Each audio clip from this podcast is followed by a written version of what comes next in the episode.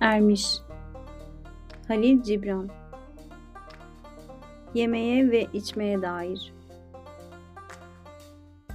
Sonra yaşlı bir adam, bir hancı dedi ki, bize yemekten ve içmekten söz et.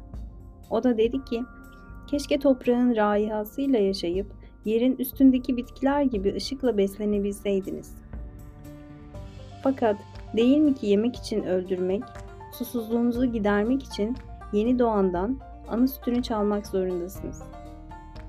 O halde yiyip içmenizi bir tapınma eylemine çevirin.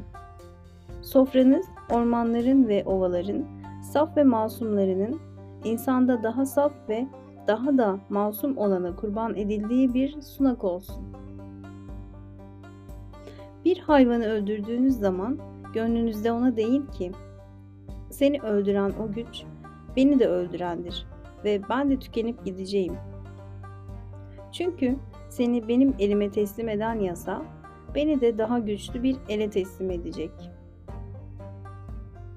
Senin kanın ve benim kanım cennet ağacını besleyen öz sudan başka bir şey değildir. Dişlerinizle bir elmayı çiğnerken ona gönlünüzde deyin ki, tohumların benim bedenimde yaşayacak ve geleceğinin tomurcukları benim yüreğimde çiçek açacak.''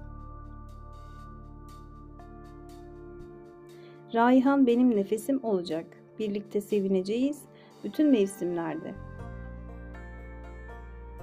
Sonbaharda bağlarınızı bozup cendere için üzüm toplarken gönlünüzde deyin ki ben de bir bağım ve benim meyvelerim de cendere için toplanacak ve taze şarap gibi sonsuzluk küplerinde saklanacağım. Kışın şarap alırken her tas için yüreğinizden bir şarkı geçsin ve o şarkıda Hazan günlerinin, bağın ve üzüm cenderesinin bir anısı olsun.''